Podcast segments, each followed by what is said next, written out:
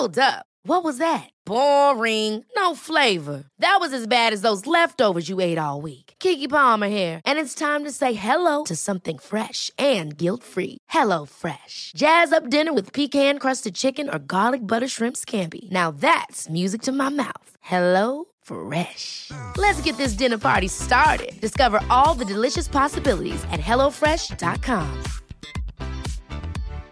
One size fits all seemed like a good idea for clothes Nice dress. Uh, it's a it's a t-shirt. until you tried it on. Same goes for your healthcare. That's why United Healthcare offers a variety of flexible, budget friendly coverage for medical, vision, dental, and more. So, whether you're between jobs, coming off a parent's plan, or even missed open enrollment, you can find the plan that fits you best. Find out more about United Healthcare coverage at uh1.com. That's uh1.com.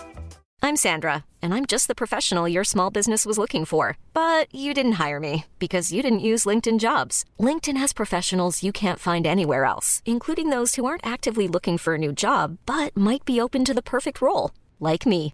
In a given month, over 70% of LinkedIn users don't visit other leading job sites. So if you're not looking on LinkedIn, you'll miss out on great candidates like Sandra. Start hiring professionals like a professional. Post your free job on linkedin.com/achieve today.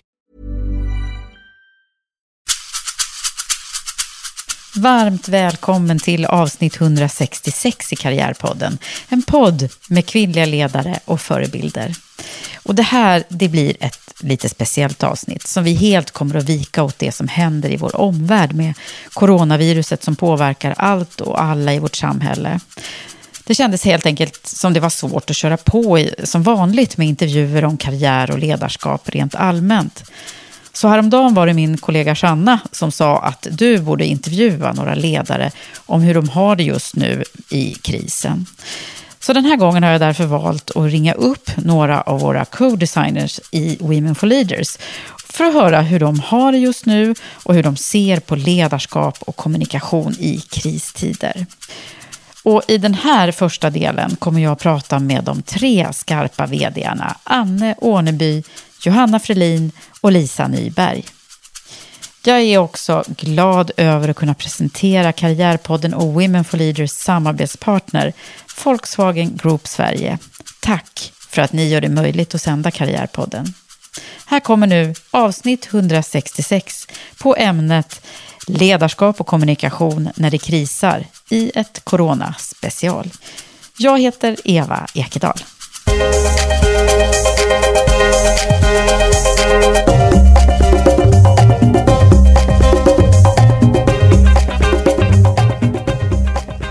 Först tänkte jag ringa Anne Åneby som är koncernchef på Nordic Morning Group. Och de jobbar med att driva förändring i företag genom datadriven marknadsföring och service design. Anne är en erfaren ledare och hon har drivit förändring i flera olika bolag och branscher. Och det har också gått som en röd tråd genom hennes karriär.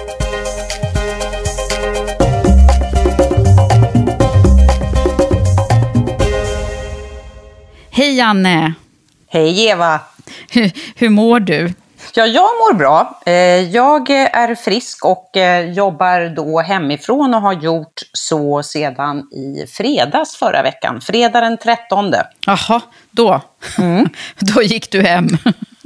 Eller Nej, ni. utan då, det var faktiskt så här att jag hade varit i princip hela veckan då i Finland och eh, eftersom eh, då kom informationen att USA stängde ner och, och då, det började märkas då att nu är det bara en fråga om tid innan flera länder börjar att stänga och då var det lika bra att vi rundade av och, och jag åkte hemåt. Ja, så då, sen dess har du jobbat hemifrån. Hur, hur Mm. går tankarna liksom hos er? Vad, vad, har ni, är, jobbar alla hemifrån eller hur har ni gjort? Alltså för oss är det ju så här att vi har varit igång i den här diskussionen kring corona ända sedan den 20 februari. Därför att vi började vidta åtgärder redan när eh, sportlovet var i full sving. Och då är det bra att veta att verksamheten som jag ansvarar för, vi har ju verksamhet både i Finland och i Sverige. Och Finland har då sitt sportlov en vecka innan oss i Stockholm. Mm. Så därav så, så, började vi att titta på eh, spridningen och började också titta på hur ska vi följa instruktioner när människor har varit ute och rest. Och, och, då var det ju som sagt inte lika många regioner som var utsatta så som det är nu. Men vi påbörjade faktiskt den, den interna kommunikationen ganska snabbt strax efter att de första började komma hem. Mm. Och då började vi i Finland och i Sverige ungefär samtidigt. Så att vi har hållit på och, jobba med det här. Ja, det blir ju snart en månad. Ja. Mm. Men du, då undrar man ju så här, eh, hur du, eh, som, det blir ju, många pratar ju om att ledarskapet blir sätts på prov och krisgrupperna får verkligen agera. Hur, hur har det varit hos, hos dig? Jo men så är det ju, men däremot har ju vi eh, också diskuterat ganska mycket hur viktigt det är att inte späda på en form av panik innan man börjar att få grepp om situationen. Så att i början, när vi är här i slutet av februari, så börjar ju vi att följa och presentera då riktlinjer som ligger helt i linje då med vad myndigheterna har sagt.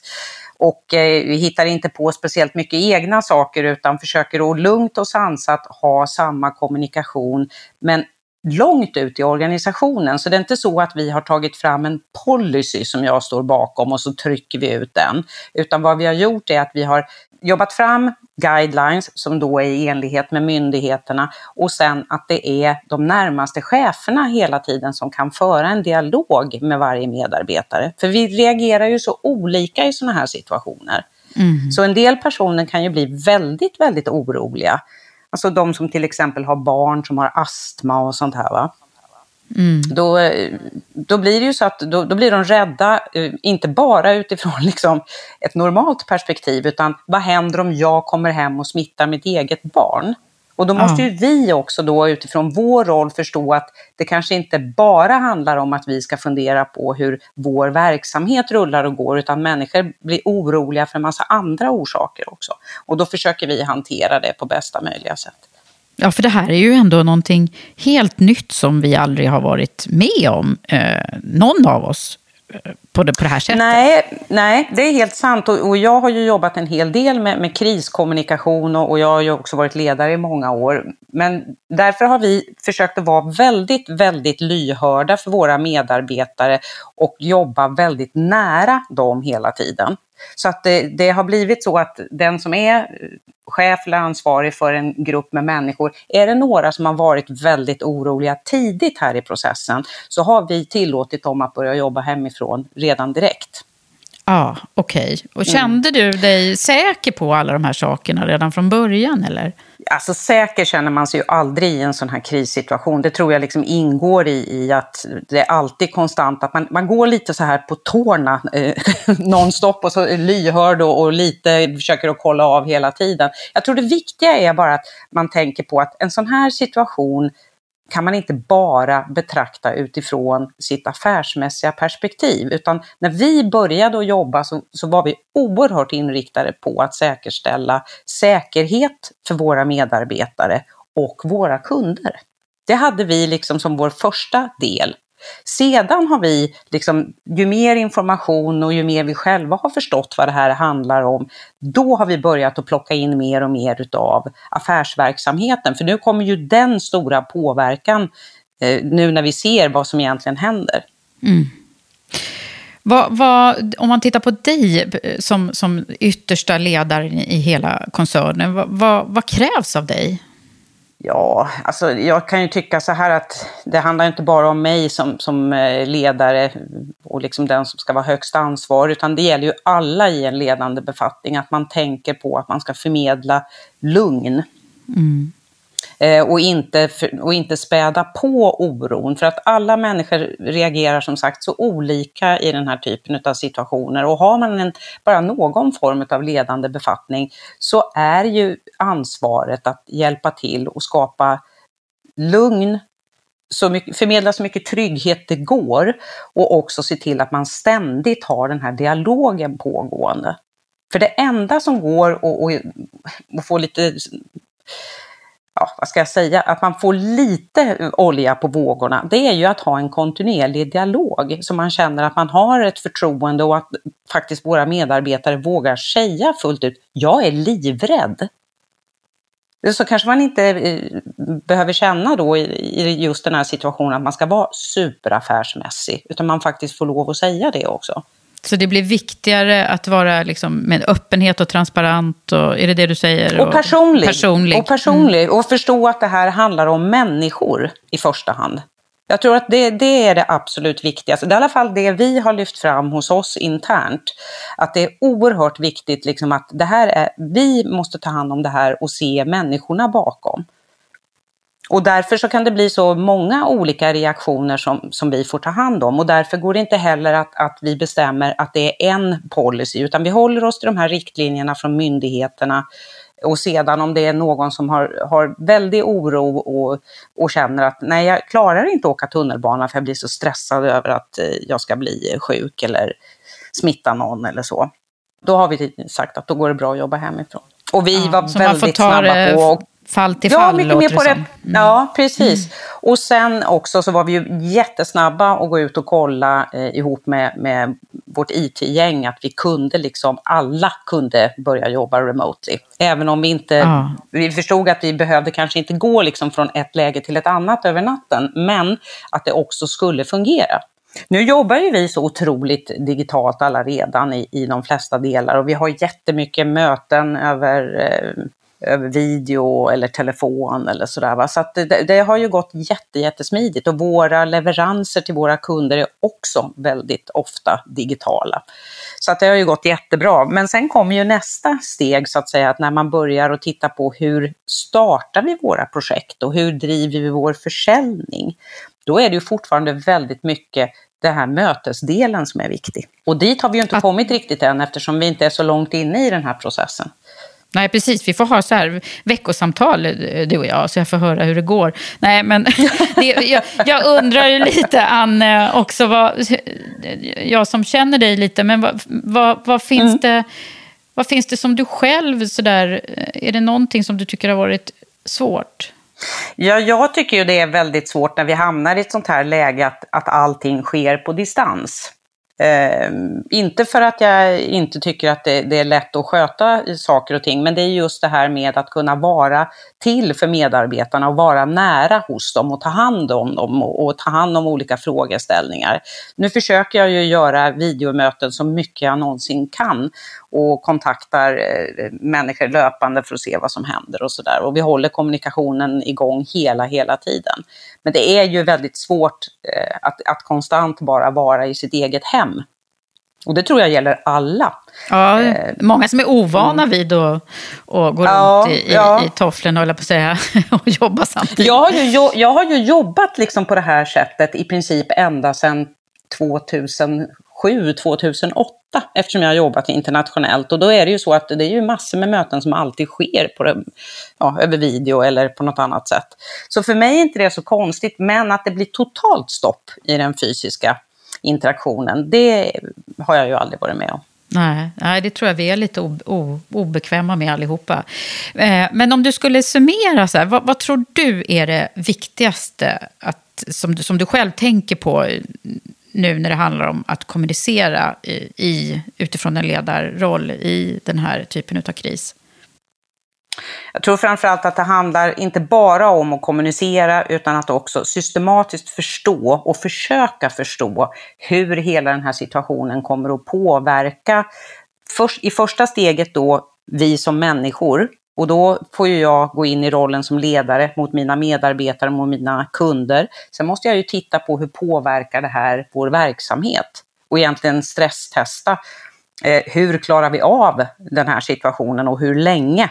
Och det ser vi ju redan nu att det börjar att komma den här typen av kommunikation, att hotellverksamheterna börjar varsla till exempel.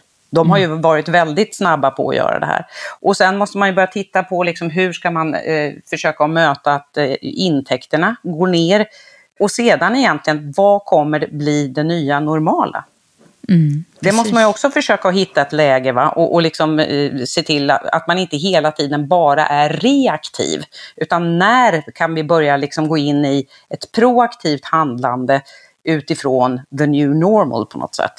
Så att jag tror he hela det här att ha en, en ordentlig struktur som man jobbar efter, för då kan man också kommunicera mycket bättre. För vet du inte vad du ska göra, då har du ju inget att prata om heller. Va?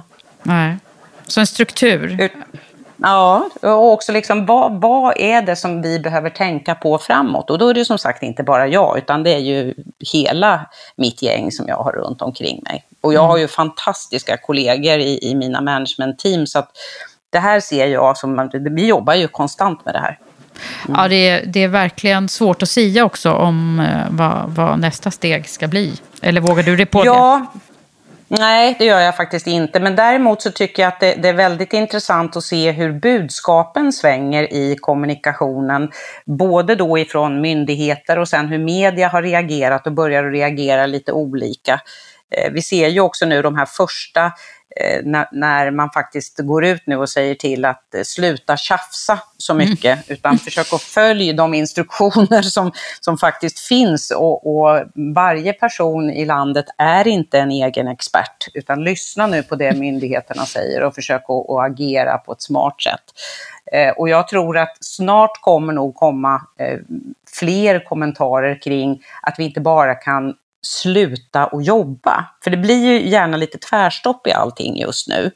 Och det värsta är att då späder vi ju på egentligen att det kan bli en finansiell kris. Så det bästa vore ju om vi kunde försöka hitta hur kan vi fortsätta att jobba och driva affärer med de digitala verktyg vi har så att vi inte skapar en, en eh, finansiell kris. Nej, precis. Och försöka liksom leva och hitta vägar eh, till det normala även fast det är onormalt. Ja, men exakt. Va? För att eh, nu liksom har första delen varit så fokuserad på att man, man, bara ska... Du får inte gå till jobbet, du ska stanna hemma och hela länder är, satta i karantän och man får knappt gå utanför sitt hus eller sin lägenhet. Alltså det är ju bara ett första steg, liksom man försöker att, att bryta den här smitttrenden. Men sen måste det ju vara någonting som rör sig framåt. Ja, verkligen. Vad ska du eh, skicka med för eh, det här ska vi göra ännu mer av, utöver det? Jag tror att man måste eh, kommunicera mycket, mycket mer än vad man kanske gör ja, som vanligt, låter ju inte klokt i det här sammanhanget, men innan det här hände så att säga. Eh, för då hade ju alla, och det hade vi också, en, en mötesstruktur som var mycket längre intervaller. Vad vi gör nu är att vi kortar ju ner precis allting. Så att allting ska gå mycket, mycket snabbare så vi kan jobba mycket agilare. Och också att besluten kan tas snabbare ute i organisationen. För det tror jag är jätte, jätteviktigt i ett sånt här läge. Så att man inte hela tiden fortsätter med, med eh, en lite mer långsiktig, det vill säga man träffas i en koncernledning en gång i månaden och så. Det är alldeles för, för långt emellan de eh, mötestillfällena i ett sånt här läge. Utan snabbare möten, snabbare kommunikation, snabbare avstämningar. Ja, och snabbare karriärpodsintervjuer kan man säga. Ja, absolut. Blir... Jag menar, du, ja, och du har ju bytt formatet här själv rakt av, så det är väl precis det vi måste tänka på när vi driver affärsverksamheter också, att vi måste kanske ha ett annat format för hur vi driver verksamheten. Ja, Gud vad bra och härligt att få prata med dig, Anne. Och eh, vem vet, jag kanske ringer upp om en vecka igen och kollar, kollar ja, hur du har det då. Du gör. Ja, det får du gärna göra. Du är så välkommen så. Ja, tack snälla och bra kämpat. Tack själv. Och nu tänkte jag ringa Johanna Frelin som är nytillträdd som vd för Riksbyggen och höra hur hon har det. Johanna var tidigare vd på Tengbom och dessförinnan vd på utbildningsföretaget Hyper Island. Hon har arbetat mycket med att framtidsanpassa företag och blivit prisad genom ett visionärt, värdebaserat och innovativt ledarskap.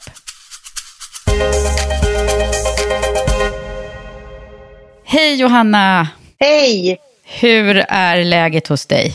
Ja, men läget det går ju upp och ner. Jag tycker liksom vissa dagar känns det liksom under full kontroll och att det är sorterat och vi har liksom kontroll och bra liksom struktur för krisarbetet och eh, internkommunikationen och kundkommunikationen. Och sen så händer det plötsligt någonting som att eh, Folkhälsomyndigheten säger att nu borde alla i Stockholm eh, jobba hemifrån när man kan och då liksom drar det igång igen. Eh, men det gjorde de ju häromdagen och nu har vi liksom lyckats hantera det så då känns det under kontroll igen. Okej. Ja, och, och eh, mitt i allt det här så står eh, den ganska nytillträdde vdn då på, på Riksbyggen. Ja.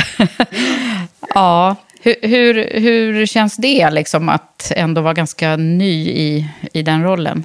men jag tycker det känns helt okej. Okay. Jag tänker att här handlar det om att visa liksom på ett tydligt ledarskap och liksom, eh, skapa en bra struktur för kommunikation.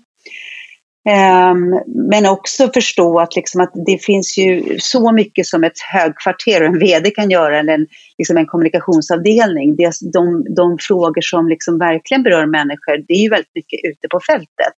Men vi har till exempel en, en förvaltningsorganisation som har då liksom, eh, fastighetsförvaltare som, eh, ja men kunder kanske ringer, kunden är över 70 år gammal, eh, behöver hjälp i sin lägenhet. Ska vi då gå in? Hur skyddar vi kunden? Hur skyddar vi våra medarbetare? Och jag tänker att den typen av frågor är egentligen samma oavsett företag.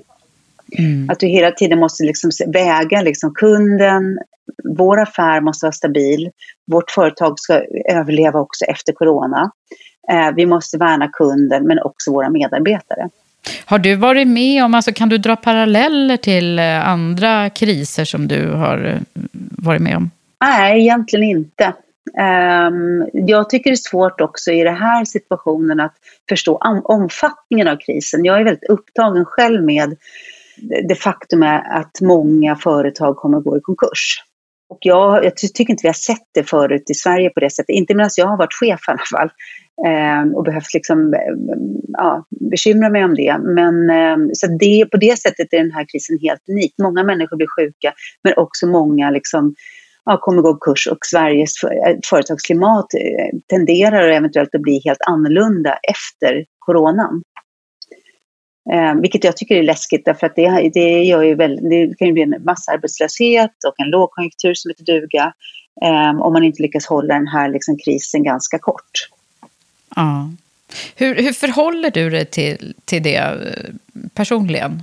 Ja, men jag tänker jättemycket på, liksom prata med företagsledning om att vår roll, dels är vår roll att stå som stadiga furor när det blåser och bara vara liksom så här, lugna, trygga, sakliga.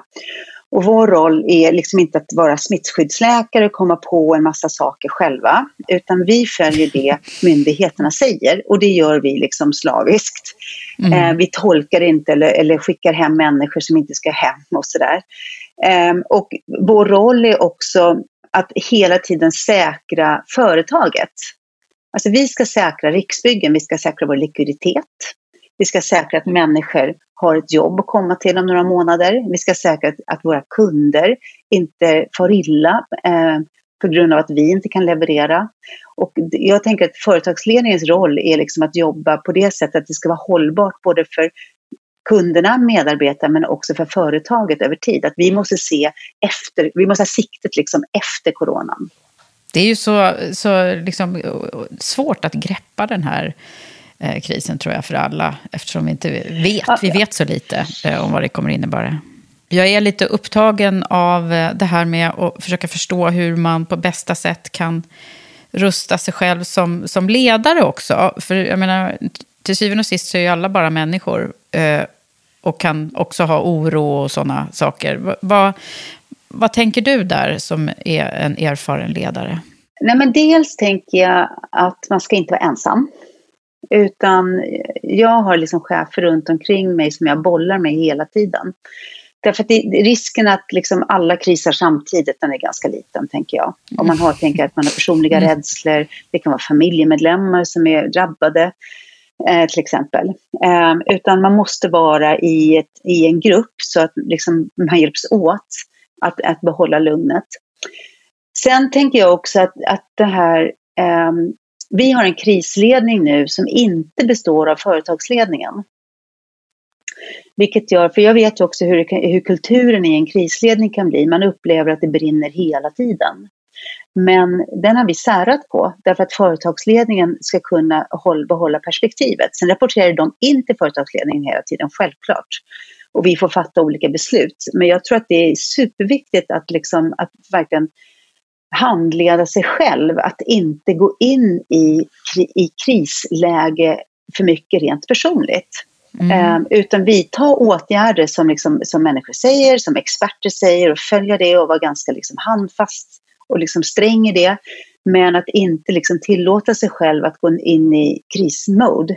Och gör man det, då tror jag att det är jättebra att ha andra personer att bolla med, någon som tar en ur där, eller att man faktiskt lämnar över. Det kan ju vara så att man har, är personligt drabbad, men då att man lämnar ja. över taktpinnen till någon annan. Att man vågar göra det och inte tror att man är någon supermänniska. Det låter väldigt klokt. Vad tror du annars är sådana här äh, nyckelfaktorer som du själv har lärt dig liksom kring hur man ska kommunicera och så i kriser? Men jag tänker dels, jag, jag tycker alltid man ska bekräfta människors oro. Och sen så eh, kommunicera om varför, alltså the why. Varför fattar vi den här typen av beslut? För nu, eh, man läser ju väldigt mycket i tidningarna om olika företag som fattar olika typer av beslut. De stänger högkvarteret, de skickar hem alla medarbetare. Men varför gör inte vi det då? Vad är det vi lutar våra beslut på? Vilken faktagrund använder vi och vilken, liksom, vilka principer använder vi för våra beslut? Och jag tror att det är viktigt att, att kommunicera de principerna. Eh, för då blir det helt plötsligt logiskt. Då kan man faktiskt titta på ja, men presskonferenserna klockan två med Folkhälsomyndigheten. Så kan man också förstå vad det är för beslut som Riksbyggens ledning fattar till exempel. It makes sense. Mm. Så liksom att, kunsk att möta det med kunskap egentligen, eh, oron, möta det kunskap, brukar ju vara ganska bra. Ja, möta med kunskap, fakta, men också hålla liksom en, en, försöka ha någon slags röd tråd då, koppla ens egna beslut till till, till exempel det myndigheterna säger. Så att, för det skapar trygghet. Jag tror ändå att eh, många i Sverige ändå litar på myndigheter ganska mycket. Um, och Eh, vi väljer att lita på myndigheterna, därför, därför så agerar vi på det här sättet utifrån vad myndigheterna har sagt. Hur gjorde ni med det här? Jag har upptäckt när jag pratar med många företagare och sådär nu att eh, det är många som eh, att det nästan kan bildas lite två läger. Vilka som tycker att det är okej okay att fortfarande gå till jobbet. Om det har liksom blivit lite Ja, eh, ja. ja, lite, några som tycker, är man rädd för att man sitter mera hemma och jobbar, om det nu finns en, en frihet i det. Hur, vad säger du om det här? Nej, men för, mig, för oss har det varit väldigt, alltså vi har 2000 medarbetare som inte kan jobba hemifrån. Eh, de är ute i samhället. De är ute i våra bostadsrättsföreningar, de är ute i våra fastigheter, de är ute i andras fastigheter där vi jobbar. Eh, jag tänker jättemycket på dem, att eh, nu gäller det inte att, liksom, att stänga ner alla tjänstemän och skicka hem alla tjänstemän. Därför att det skapar otroligt, eh, skickar väldigt eh, tokiga signaler tycker jag. Även om det skulle vara bättre kanske rent faktamässigt ibland, ibland att liksom alla som kan jobba hemma ska jobba hemma. Men det skickar ju signaler om att eh, ja, men HK lämnar skeppet när det håller på att sjunka medan alla andra får vara ute och jobba. Eh, så vad vi har gjort, vi har följt myndigheterna där också. Så att, eh, I Stockholm så har vi sagt så här, de som kan jobbar hemma gör det så mycket som möjligt. Eh, och det innebär att man antagligen inte kan jobba hemma hela tiden. Och eh, själv så är jag till exempel på kontoret på förmiddagarna och då har jag det som är kontorsnära som jag behöver göra. Försöka packa ihop det på förmiddagarna och sen jobba hemifrån på eftermiddagarna. Och så tror jag många gör, att man, liksom, man, man försöker jobba hemifrån men man måste ändå liksom få något gjort och det innebär att ibland måste man åka in till kontoret. Men det mm. gäller bara Stockholm och det känns väldigt skönt tycker jag när, liksom, när man kan luta sig mot myndigheterna och säga att myndigheterna rekommenderar det här, därför gör vi det. Och kommer de utöka det till andra kontor eller andra orter, ja men naturligtvis följer vi det då också. Du, eh, vad, vad, tror du att det här kommer att betyda för mänskligheten? Um, jag tänker att det här, jag, det är väldigt, väldigt svårt att säga det, men på något sätt så betyder det någonting redan idag. Dels att vi börjar fundera på liksom, eh, de negativa konsekvenserna av globalisering. Eh, men också faktiskt de positiva eh, konsekvenserna vi får för klimatet nu när vi inte reser. Det syns ju redan idag på liksom, satellitbilder hur eh, kväveutsläpp och sånt eh, har minskat. Eh, I norra Italien till exempel. Um, och jag tycker att det är en ganska stor wake-up call kring, jag säger inte att vi inte ska resa, men däremot kanske vi ska fundera en eller två eller tre gånger till när vi väljer att resa. Um, och att vi, um, nu lär vi oss bli väldigt digitala till exempel, och att fortsätta använda det den digitaliseringsmöjligheten som vi faktiskt har. För vi alla har tvingats in i online-möten av olika slag. Um, och det tror jag kommer, kommer att göra att vi, um, att vi kan, kan, jobba effektivare också på distans. Aha. Men sen tänker jag också liksom rent så här,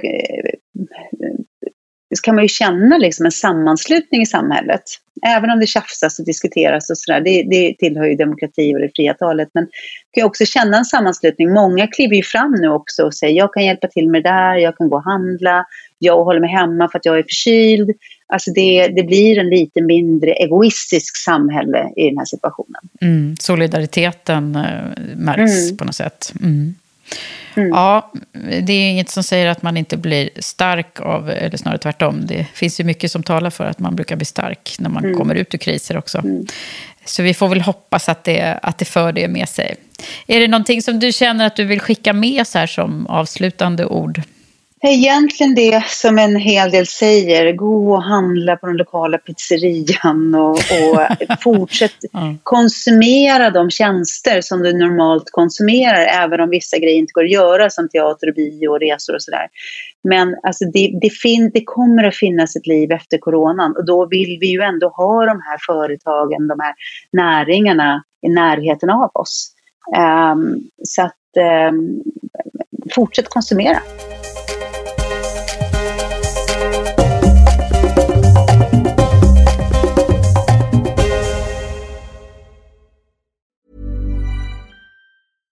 One size fits all seemed like a good idea for clothes. Nice dress. Uh, it's a it's a t-shirt.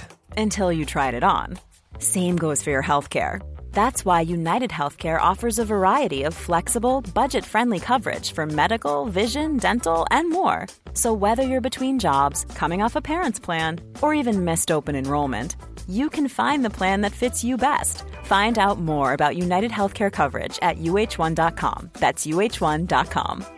Many of us have those stubborn pounds that seem impossible to lose, no matter how good we eat or how hard we work out. My solution is PlushCare. PlushCare is a leading telehealth provider with doctors who are there for you day and night to partner with you in your weight loss journey. They can prescribe FDA-approved weight loss medications like Wagovi and Zepbound for those who qualify. Plus, they accept most insurance plans. To get started, visit plushcare.com slash weight loss. That's plushcare.com slash weight loss. Hiring for your small business? If you're not looking for professionals on LinkedIn, you're looking in the wrong place. That's like looking for your car keys in a fish tank.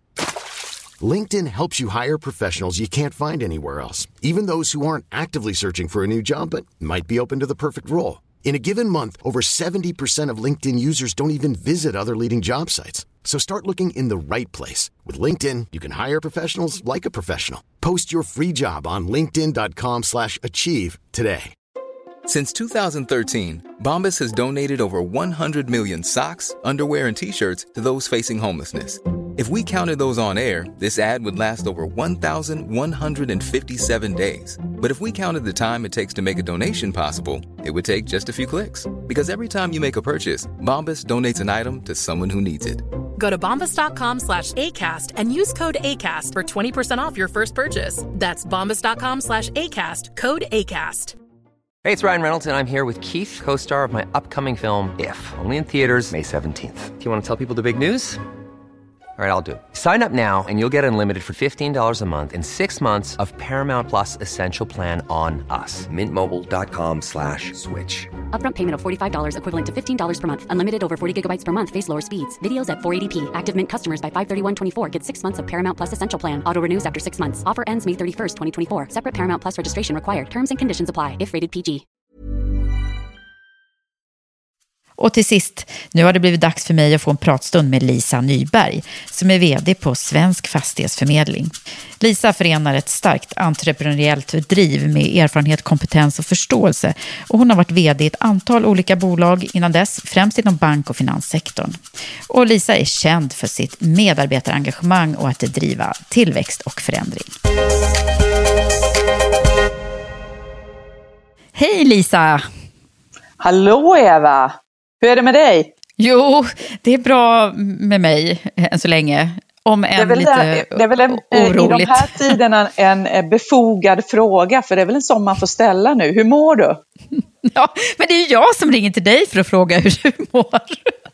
Uh, ja, men det, det, är okej med mig. Men jag, men jag jobbar hemifrån och har ju ställt om då eh, Karriärpoddens intervjuer till att bli lite, lite annorlunda. Så att, eh, ingen kris som leder till lite innovativa nya, nya tag och idéer, eller hur?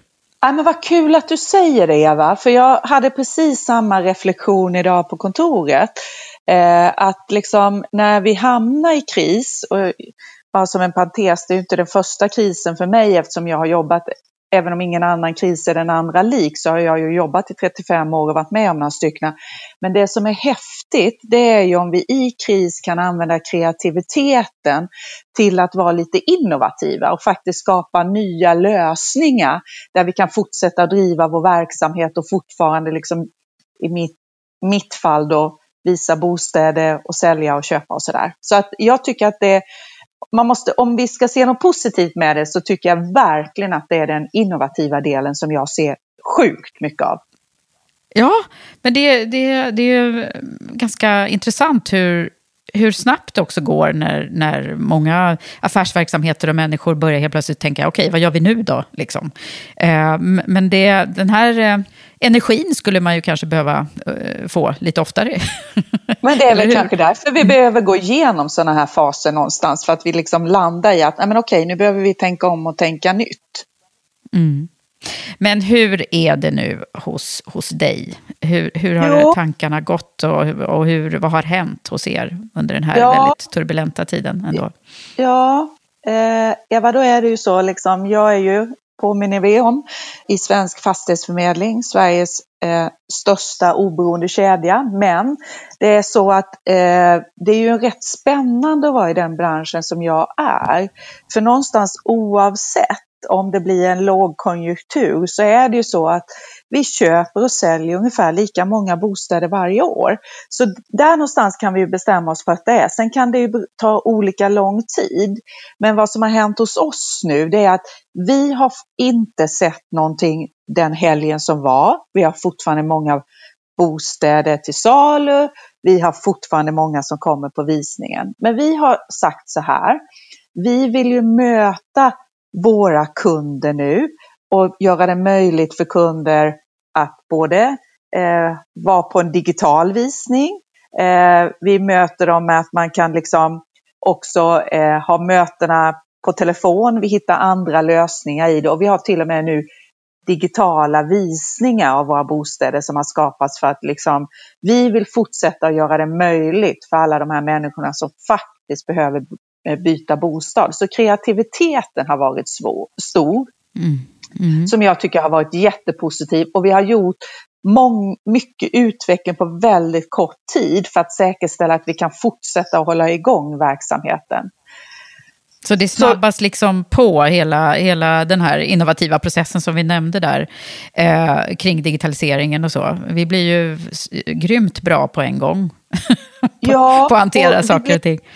Ja, vi blir verkligen grymt bra på att hantera många saker på en gång och liksom eh, där vi har tänkt så här, nej men vi vill ju inte skapa en bostad är ju så viktigt för alla människor, en viktig funktion i samhället och vi har någonstans ah, man jag ska inte ta på mig för stor kostym, men vi har ju ett samhällsansvar för att försöka få det här att fungera fortsatt. Och där har vi försökt att hitta lösningar, möta våra kunder så att vi ska fortsätta fortsatt kunna jobba vidare framåt. Och sen har... Men du, hur går det med oron då? Jag menar, eh, nu, ska vi inte, nu ska inte det eh, handla om det, men eh, min dotter står i begrepp att både sälja och köpa. Hur, hur, hur ska man hantera det där?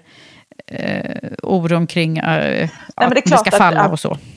Ja, men det är klart att vi, vi står inför en oro och det är klart att nu, nu tar jag tillbaka, går jag tillbaka till det jag inledde och säga, jag har ju varit med om kriser ett par gånger förut och då kan man ju säga den krisen vi kan titta på förra gången, det var ju som drabbade Sverige ganska hårt, det var ju 1992 faktiskt. mm. eh, när finanskrisen slog till ordentligt. Och det är klart, då fick vi en sättning i marknaden. Men när man köper och säljer eh, och inne i marknaden så är ju fördelen den att eh, om du får lite mindre än vad du tänkte så köper du också för lite mindre peng.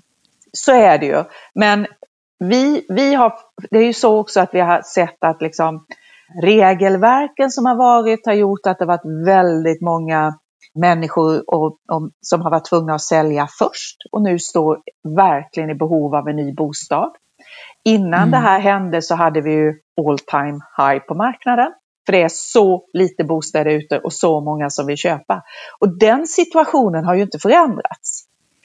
Sen har ju regeringen Nej. gett sig in och gjort lite förändringar i form av att man faktiskt vill hålla marknaden vid liv i form av att man sagt vi ger, nu ska vi vara lite mer öppna för amorteringsfrihet och vi ska liksom titta så att vi fortfarande kan hjälpa människor att både köpa och sälja sina bostäder och också bo kvar. Mm. Men Lisa, om man tittar på um, ditt jobb som vd här nu och eh, ledarskapet som ju på alla sätt eh, sätts på prov när det är sådana här typer av kriser. Vad tycker du att, eh, hur, hur känner du själv liksom, personligen? Ja, men om jag tänker så här personligen för mig så tänker jag att, eh, eh, med all respekt, men jag är ju en frisk person.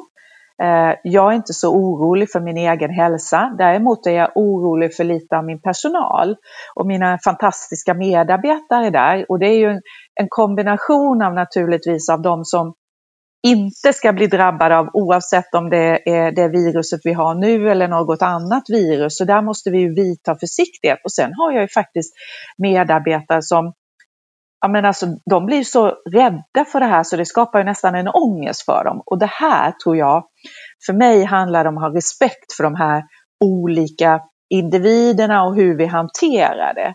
Sen är ju vi i en bransch, vi försöker lösa så mycket som möjligt på distans, men någonstans så är det ju det personliga mötet som slutligen kommer att vara viktigt. Men eh, jag tror att som ledare nu mm. eh, så är det att försöka hålla ett lugn, att jag är lugn, att jag kontinuerligt pratar med organisationen är otroligt viktigt. Och hur är du lugn då också? ja, jag är faktiskt lugn. Sen kan jag bli orolig för en del av min personal, att liksom, om det händer dem någonting. Men jag är, jag är lugn eh, och tänker att liksom, det som är viktigt just nu, det är att ligga nära och hela tiden lyssna. Vad är det som händer på marknaden idag? Okej, ska, behöver vi styra om vår verksamhet? Eh, så att vi får vara ännu mer lyhörda för vad som händer kontinuerligt. Eh, sen så kan man ju säga så här, det är klart att vi, vi har inte sett riktigt vad det här innebär för oss i Sverige. Punkt. Det kan Nej. vi vara övertygade om. Och vi kommer sannolikt att komma in i en lågkonjunktur efter det här. Det kan vi också vara mm. övertygade om. Sen så hur djup den blir och vad det får för konsekvenser, det ser vi ju inte ännu. Men jag tror att liksom just det här, jag har ju varje kväll kör vi ett eh, Skype eller Teams-möte med min ledningsgrupp. Vad har vi hört idag? Vad är det för signaler som har kommit? Behöver vi styra om något? Behöver vi gå ut med ny information? Så det, det är liksom, vi måste vara lite snabbare på hela tiden och ligga med i, i kommunikationen. Så det är ju en förändring mot vad vi har haft förut. Liksom. Så är det ju. Mm. Verkligen. Att ligga nära och uh, jobba ännu mer agilt, om vi ska eh, använda det benämningen. Eh, ja. Verkar det som om det är många som liksom hamnar i lite det här stabsläget på något sätt eh, hela tiden. Ja, så är det ju. Och, och eh, jag fick en förfrågan från en av mina dotterbolag nu. Ja, Lisa, du fick en prognos bara i förra veckan, men vi, vi måste förändra. Ja, men det är klart vi måste och det är klart att jag måste eh, vara lyhörd för att organisationerna nu liksom för varje vecka som går så kommer det sannolikt att förändras. Och då får vi ta beslut utifrån varje förändring. Men hur har du gjort med organisationen då? Jag menar, eh, mäklare kan väl inte eh, jobba hemma hela tiden? Nej, det eh, kan hur, man hur, har, hur har ni kommunicerat kring det där, att liksom tjänstemän ska jobba hemma och så vidare? Det är ju en mycket, mycket, mycket kommunikation kring just det hur vi ska röra oss. Liksom. Ja, det är det. Eh, och då har vi sagt så här att ni som kan arbeta hemifrån, det finns ju några av, av de funktionerna som vi har i vår verksamhet som kan det. Alltså assistenter kan till en viss del jobba hemifrån. Jag har ju de som jobbar i Stockholm på, på om vi säger huvudkontoret, de kan ju många jobba hemifrån. Och då har vi sagt att då gör vi det så att vi liksom någonstans inte sprider smittan så de som måste träffa kan försöka vi hade ett, något resonemang om att om vi håller oss hemma och inte liksom sprider virus och de som måste vara ute och träffa kunder kan få förhoppningsvis hålla sig friska längre.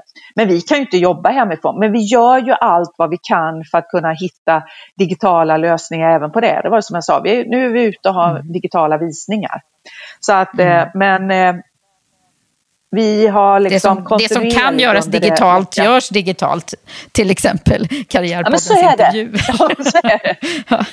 ja, men verkligen. Ja. Och, och jag, jag, tror så här att liksom, eh, något positivt är ju att vi tittar på hur kan vi hjälpa varandra i den här situationen. Så har vi eh, mäklarna jobbar ju mer gemensamt, vi jobbar liksom, kan, jag kan ta den där visningen, jag har inte den, det problemet och vi hittar lösningar på det. Sen så är det ju så att vi har ju sagt också att eh, öppna visningar i Stockholm, det minimerar vi för att vi ska ha så få människor där som möjligt på plats.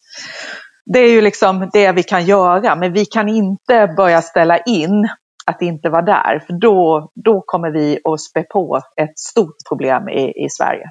Mm. Lisa, jag som känner dig lite grann, hur, eh, men hur reagerar, jag har inte sett dig i det här läget. vad, vad, är, vad händer med dig liksom, när, det, när det blir så här? Vi kan ju reagera på lite olika sätt.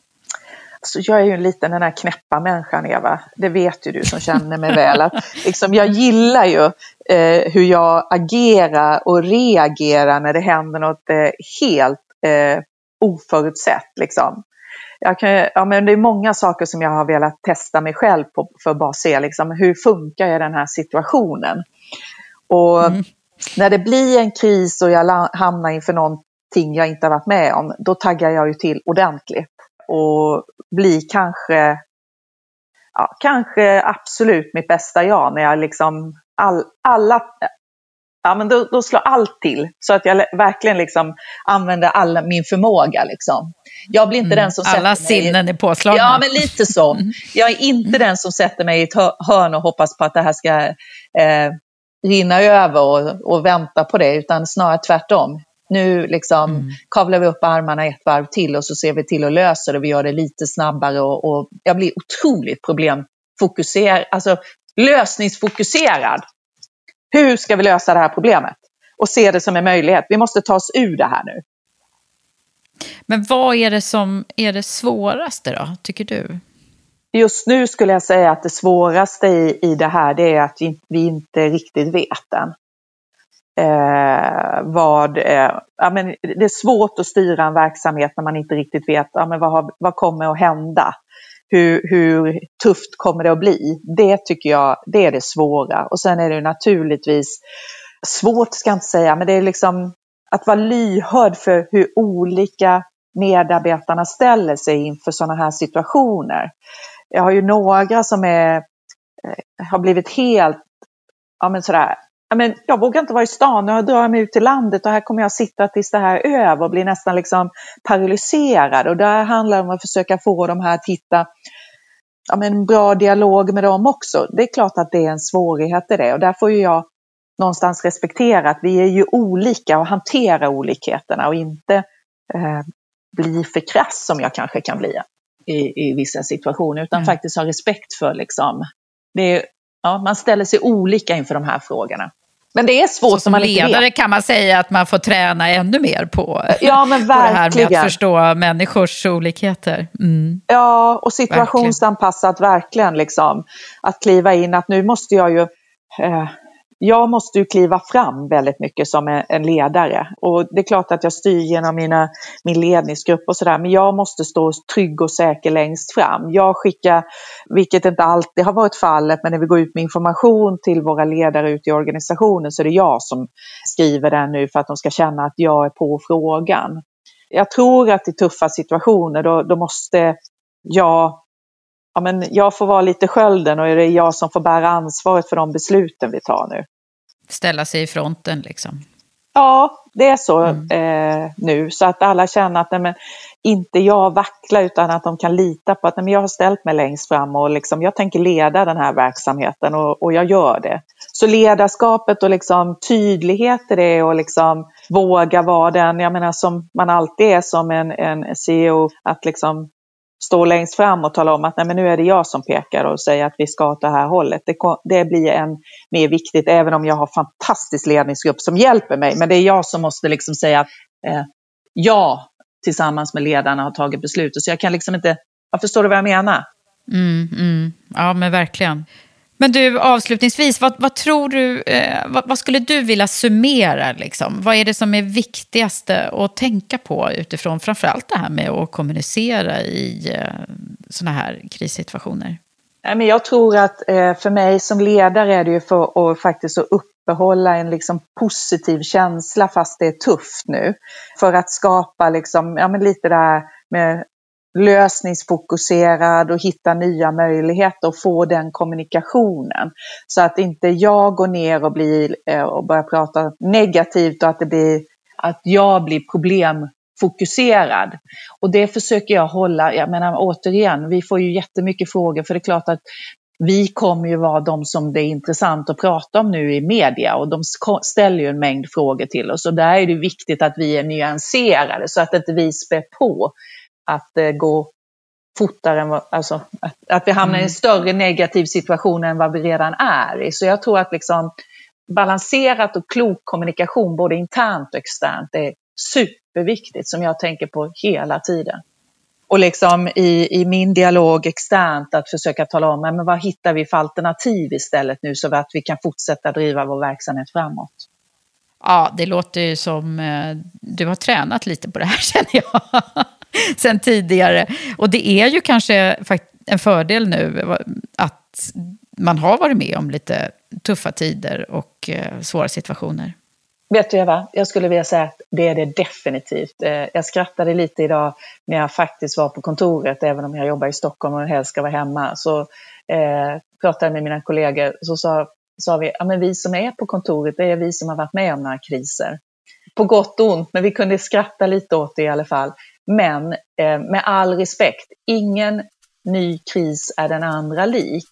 Men krishanteringen någonstans och ha en erfarenhet runt det, det mm. är en fördel att ha det just nu. Stort tack till dig som har lyssnat på det här avsnittet. Jag är tacksam över en massa saker. För visst är det så att vi nu ser hur det svåra läget gör att vi sluter upp kring det som är mer viktigt på riktigt. Hur vi blir solidariska och hjälps åt så mycket vi kan. Innovationskraften är ju en annan grej som blir väldigt tydligt, vilket jag tycker kom fram i det här avsnittet. Och jag själv fick ju också snabbt svänga om med podden och testade ett nytt verktyg för att kunna poddintervjua online. Tack till eh, Gabriella Lahti som eh, hjälpte mig att komma igång med det. Det är hon som klipper och redigerar Karriärpodden. Det finns ju en massa andra exempel också på saker som vi tänker och gör annorlunda och vågar testa nya saker och idéer. Det är ju faktiskt som jag brukar säga när jag relaterar till mina egna personliga kriser, att det är när det krisar som vi blir som mest smarta. Avslutningsvis vill du lära känna de här fantastiska ledarna som du hört om i, i det här avsnittet och är nyfiken på höstens programstart av Women for Leaders exekutiva ledarprogram så är alla de här med och har designat olika moduler i programmet. Ansökan har precis öppnat och du kan läsa mer på womenforleaders.com. Till sist men inte minst vill jag tacka vår samarbetspartner Volkswagen Group Sverige som aktivt vill driva frågor om jämställdhet och ett inkluderande ledarskap. Och vi hoppas att vi kommer kunna återkomma till mer spännande saker som vi gör tillsammans med dem. Det var allt från Karriärpodden den här gången, men redan i nästa vecka kommer ett till avsnitt i den här tappningen med några andra spännande ledare på samma tema. Sköt om dig nu så hörs vi snart igen.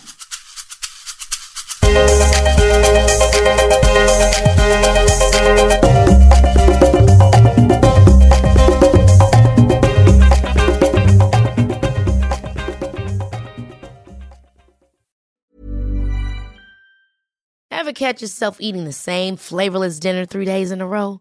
Dreaming of something better? Well, HelloFresh is your guilt-free dream come true, baby. It's me, Kiki Palmer. Let's wake up those taste buds with hot, juicy pecan-crusted chicken or garlic butter shrimp scampi. Mm. Hello Fresh. Stop dreaming of all the delicious possibilities and dig in at HelloFresh.com. Let's get this dinner party started.